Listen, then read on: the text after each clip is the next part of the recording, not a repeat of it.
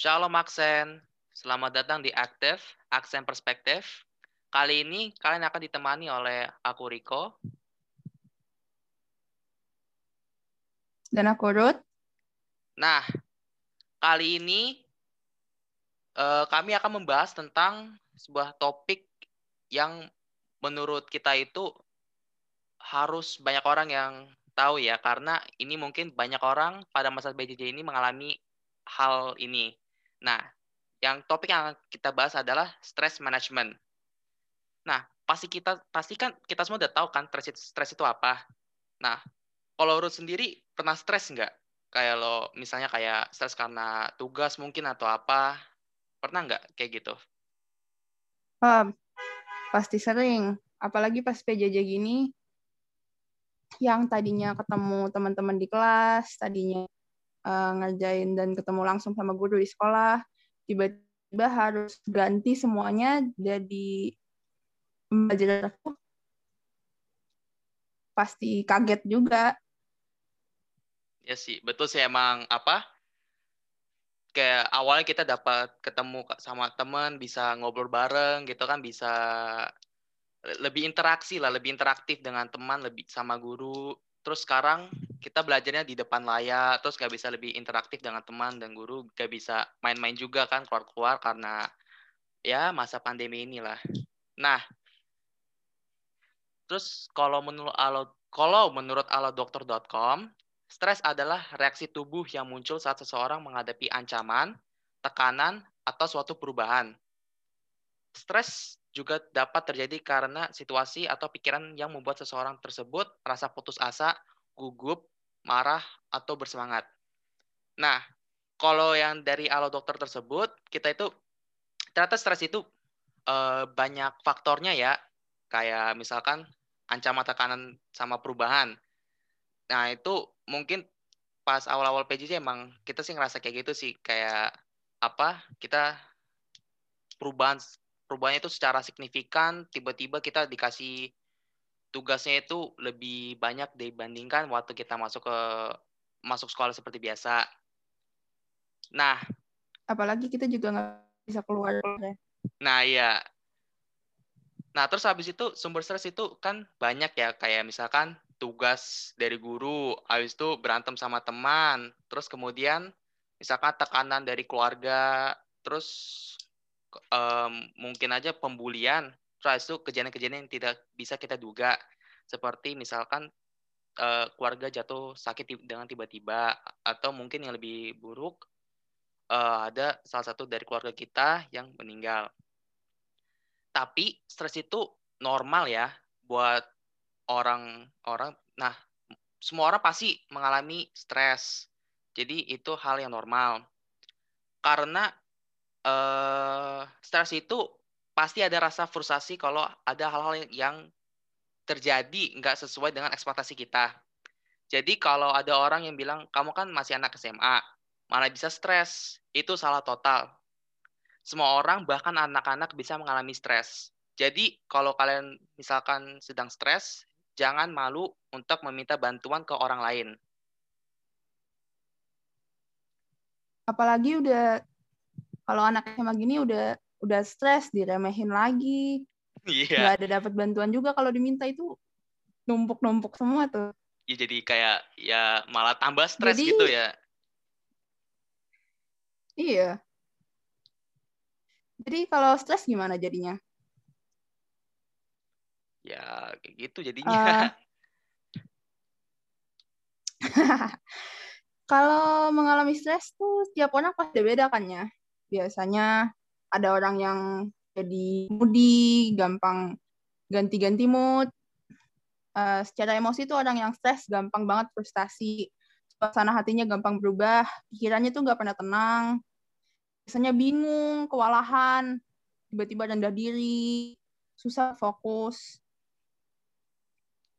Kalau sampai ekstrimnya nih ya, jangan-jangan ya sampai bisa jatuh dalam depresi. Ya, Apalagi terus kalau gejala fisiknya juga lumayan banyak tuh. Aduh. Gejala fisiknya juga lumayan banyak. Misalnya orang stres tuh biasanya kalau lagi puncak-puncaknya lagi frustasinya tiba-tiba jadi gampang pegel, banyak keringat, nggak nafsu makan, atau malah banyak yang stress eating, makan berlebihan. Orang stres juga biasanya lebih pelupa, pesimis, juga susah fokus, jadi mau ngerjain apa-apa susah. Tentunya stres itu juga bahayanya kan. Kalau kebanyakan pikiran, kebanyakan frustasi, uh, stres berlebihan biasanya menyebabkan orang lebih mudah sakit, dapat mengalami migrain, insomnia, tekanan darah tinggi, gangguan jantung, banyak uh, saking stresnya sama kerjaan malah di stroke. Ampun-ampun. Iya, Ngerjain apa-apa juga susah kan, sulit fokus. Jadi uh, kita harus belajar juga cara mengendalikan pikiran dan stres itu dengan baik. Nah, gimana nih untuk apa mengendalikan stres tersebut dengan baik? Pertama-tama kita tuh harus cari tahu nih kenapa kita itu bisa stres. Jadi kita harus menemukan problem utama kenapa kita menjadi stres. Apakah mungkin karena sekolah, keluarga, atau mungkin lingkungan. Nah, terus yang dilakukan setelah kita sudah menemukan core-nya itu, kita dapat mengubah situasi dengan menjauhi sumber stres. Tapi ingat, hal ini gak selalu bisa dilakukan. Misalnya kalau kita stres gara-gara mungkin banyak tugas PR, kita kan gak mungkin menghindari itu kan, kayak langsung, ah udahlah banyak tugas jadi stres, udahlah gak usah kerjain. Malah hal Atau tersebut... misalnya stres belajar ujian. Nah, ya itu juga bisa. Nanti malah kayak gitu, kalau kita lakuin kayak langsung kayak, ah udahlah menghindar aja, gak usah ngerjain atau belajar. Malah itu akan menumpuk-numpukan dan akan membuat kita stres di hari yang akan mendatang. Nah, nah so kemungkinan ada banyak situasi lain yang ada di luar kendali kita. Kalau misalnya kalian stres karena ada keluarga yang jatuh sakit, ya itu kan kita kan tidak ada yang tahu kan kenapa kapan keluarga kita akan yang akan jatuh sakit. Tetapi kalau misalkan kita apa uh, alasan kita menjadi kita stres itu gara-gara pergaulan misalkan uh, kalian sering dibully dalam pergaulan kalian kalian bisa uh, menjauhi teman-teman yang mengganggu kalian. Agar kalian lebih apa ya lebih lebih happy lah biar kalian gak stres gak apa gak insecure dengan misalkan karena kalau tentunya mereka... kalau pertemanan itu kan karena tentunya kalau pertemanan itu kan harus bukannya malah nambahin stres malah harusnya membantu nggak saling support nggak terlalu stres kan jadinya yeah. ya yeah. terus uh, kita kalau misalnya yang tadi tuh, kalau misalnya kita kesusahan untuk uh, belajar untuk ujian, kita itu dapat uh, menggunakan mempersiapkan diri uh, dengan lebih baik, misalkan dengan meminta bantuan dengan teman seperti itu.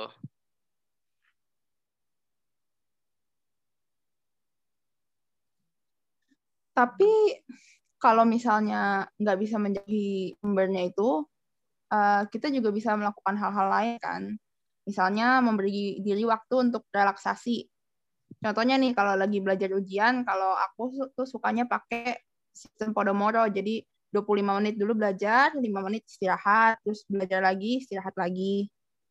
Jadi itu nggak cuma membantu kita tetap fokus ke pelajarannya, juga membantu kita biar pikirannya nggak tambah-tambah terus selama belajar makin lama makin frustasi pak makin kesel ya belajarnya juga lebih efektif kalau buat sistem itu banyak tuh aplikasi di Google Play atau App Store gratis untuk jadi timer sama bantu sistem itu atau misalnya kita nyediain waktu dalam hari kegiatan-kegiatan kita melakukan uh, hobi kita yang kita sukai.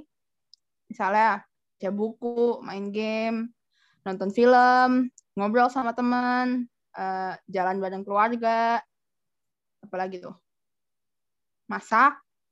Ya masak bisa.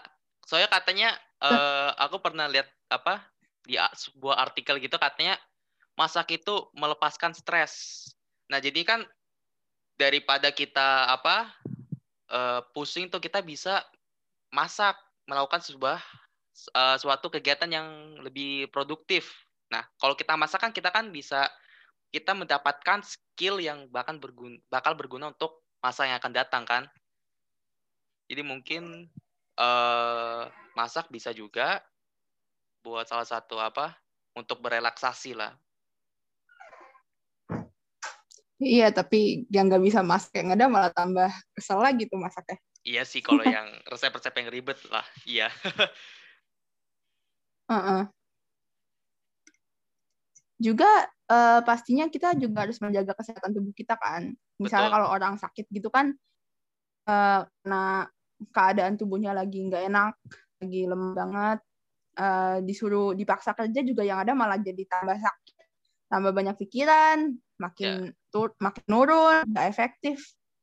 Jadi rajin olahraga, istirahat cukup, makan makanan cukup ber dan bergizi. Uh, kalau istirahat tuh sering-sering stretching karena pasti tuh banyak ya lagi belajar uh, posisi badannya nunduk. Juga banyak minum air putih, minum vitamin kalau perlu.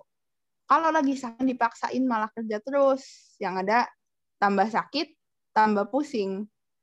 Terakhir-terakhir kolaps. Iya. Nah, tapi semua ini pasti penting.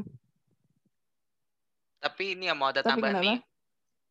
Uh, kita kalau misal kita kenapa harus rajin berolahraga terus terus menerus untuk menghadapi stres? Karena kalau misalkan kita tidak rajin berolahraga saat stres, terus tiba-tiba kita kepikiran tentang sesuatu terus habis itu kita gara-gara kita jarang berolahraga akhirnya kita jatuh sakit terus tiba-tiba sakitnya sakit parah karena uh, kita itu akan jatuh gampang lebih kena penyakit kalau kita itu sedang stres atau mungkin pikiran kita cemas jadi pada masa-masa ini uh, apa ya seringlah berolahraga jadinya karena berolahraga itu membantu banget untuk menghadapi stres dan uh, makan makanan yang bergizi juga katanya kalau sehat. sambil olahraga itu kan juga katanya kalau sambil olahraga itu kan uh, membantu otak melepaskan dopamin eh dopamin dopamin atau endorfin ya? Uh, kayaknya dopamin intinya deh. Uh, selama olahraga ya membuat nah ya selama olahraga ya membuat kita semakin tenang juga. Lagi-lagi kalau misalnya lagi lari gitu kan nggak banyak pikiran lah ya. Iya, betul. Yang dipikirin cuman langsung lanjutin aja lari. Iya, lanjutin lari aja ya. Betul. Oke. Jadi apa aja tuh dari tadi? Menjauhi uh, menjauhi Oke. keadaan, uh, menjauhi apa? Di waktu relaksasi. Eh, bukan. Yang pertama itu apa? Uh, kita tuh harus tahu kita itu stresnya gara-gara apa. Menjauhi sumber stres. Nah, itu kemudian menjauhi oh, sumber iya. stres. Terus kemudian kita harus memberi waktu untuk berelaksasi. Terus kemudian kita harus rajin berolahraga, beristirahat yang cukup, dan makan makanan yang bergizi. Menjaga kesehatan. Ya, betul.